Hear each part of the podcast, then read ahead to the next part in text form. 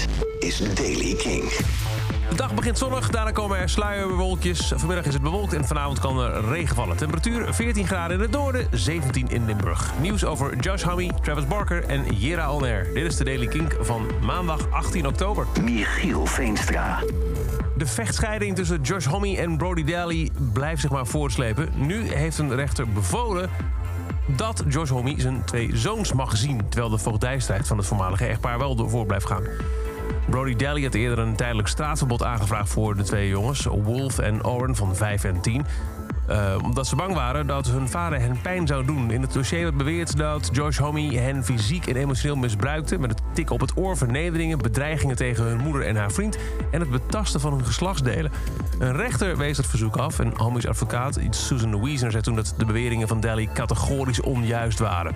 Vrijdag oordeelde een rechter van het Hooggerechtshof van Los Angeles County... dat Homme zijn zoons weer mag zien. Hij benoemde ook vier 24-uurswaarnemers... die toezicht zullen houden op de kinderen van de ex-man en vrouw.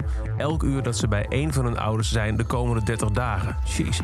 Laatste keer dat Homie zijn zoon zag, volgens de rechtbankverslagen, was 26 augustus. Eind september kreeg hij om de dag een kwartier lang een FaceTime-gesprek toegestaan. Iets beter nieuws dan. Travis Barker en Kourtney Kardashian gaan trouwen. Oh, de drummer van Blink-182 en een beetje elke andere poppunkplaat tegenwoordig... Eh, deelden het goede nieuws op Instagram. En Jera Alner heeft een nieuwe naam toegevoegd voor de editie van 2022. Bullet for My Valentine komt. Dat is uh, de eerste naam. Later deze maand worden er meer namen bekendgemaakt.